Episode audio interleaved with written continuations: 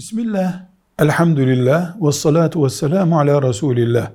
İntihar edip ölen birisinin cenazesi kılınır mı?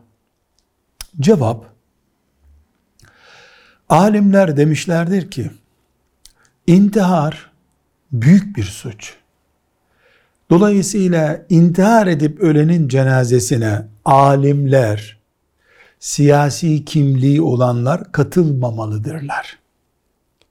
Ki insanlar intihar edenin cenazesine bile filancalar gelmedi deyip intihara karşı mesafeli olsunlar.